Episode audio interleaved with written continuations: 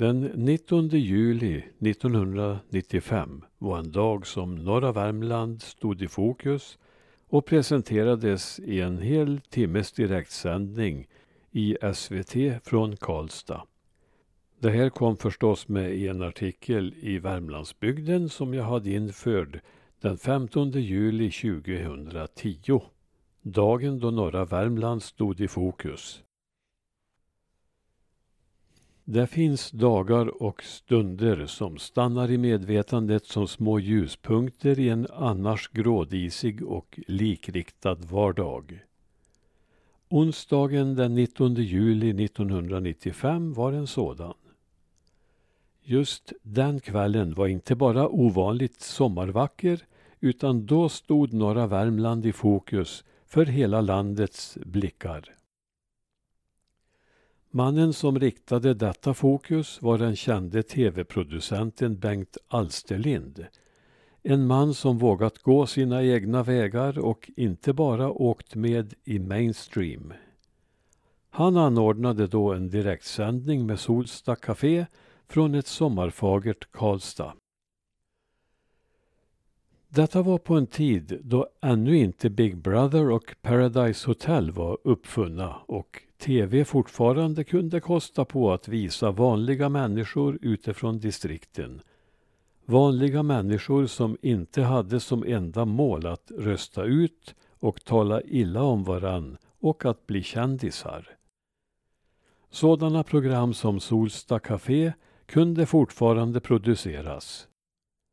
Man behövde inte vara töntig för att man bodde utanför storstaden. Folk samlades i den ljumma aftonen medan solen ännu stod ganska högt på himlen.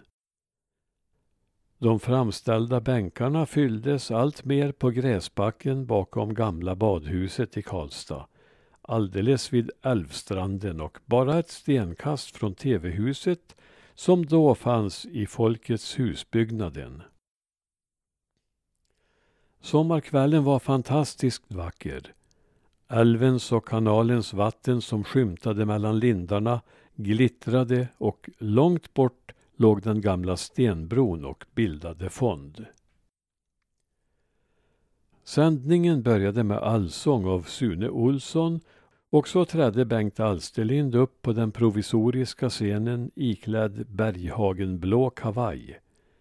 Frågan är om det var Berghagen som då var ny på Skansen som senare skaffade en Alsterlind-blå kavaj. Nåja, efter några inledande hälsningsord och kommentarer om de skuggande lindarna blev han överröstad av sång och musik. Friden är bruten, sa Alsterlind. Och mycket riktigt, längs älvkanten kom ett stort sjungande följe gående med fanbärare i täten, tätt följda av Håkan Hjärt med nyckelharpa. Vi som gick i detta tåg var tillresta nordvärmlänningar från hela Klarälvdalen, från Långflon till Råda, med andra ord medborgare i republiken Klarälvdalen. Detta var Klarälvdalens och republikens kväll i Sveriges Television. Nu skulle vi få visa hela Sverige vad vår vackra dal hade att erbjuda. De som redan hade bänkat sig var till stor del tillresta värmlänningar från norr. De mötte följet med välkomnande applåder. En rök började sprida sig. Den som stod och eldade var republikens egen president, Peter Iboa den förste. Givetvis höll han på att tillaga nävgröt och fläsk och fick nu chansen att presentera denna hälsokost, skogsfolkets livrätt, för hela svenska folket. Ur röken trädde sedan visa presidentskan Doris Sundholm fram och bredde på ordentligt om dalens skönhet och republikens arbete. Noga betonade hon republikens tre ledord vackerheta, vänligheta och stölligheta och vältaligt presenterade hon vår sångstjärna som just äntrat scenen. Så följde det som fick en armé nackhår att stå i givakt. Tina Wåhlén sjöng Efter regnet Så vackert, så vackert. Man såg hur människor som promenerade förbi i bakgrunden stannade till och lyssnade. Vad var detta som klingade så skönt? Hos den sittande publiken blev hon genast favorit om hon inte redan var det.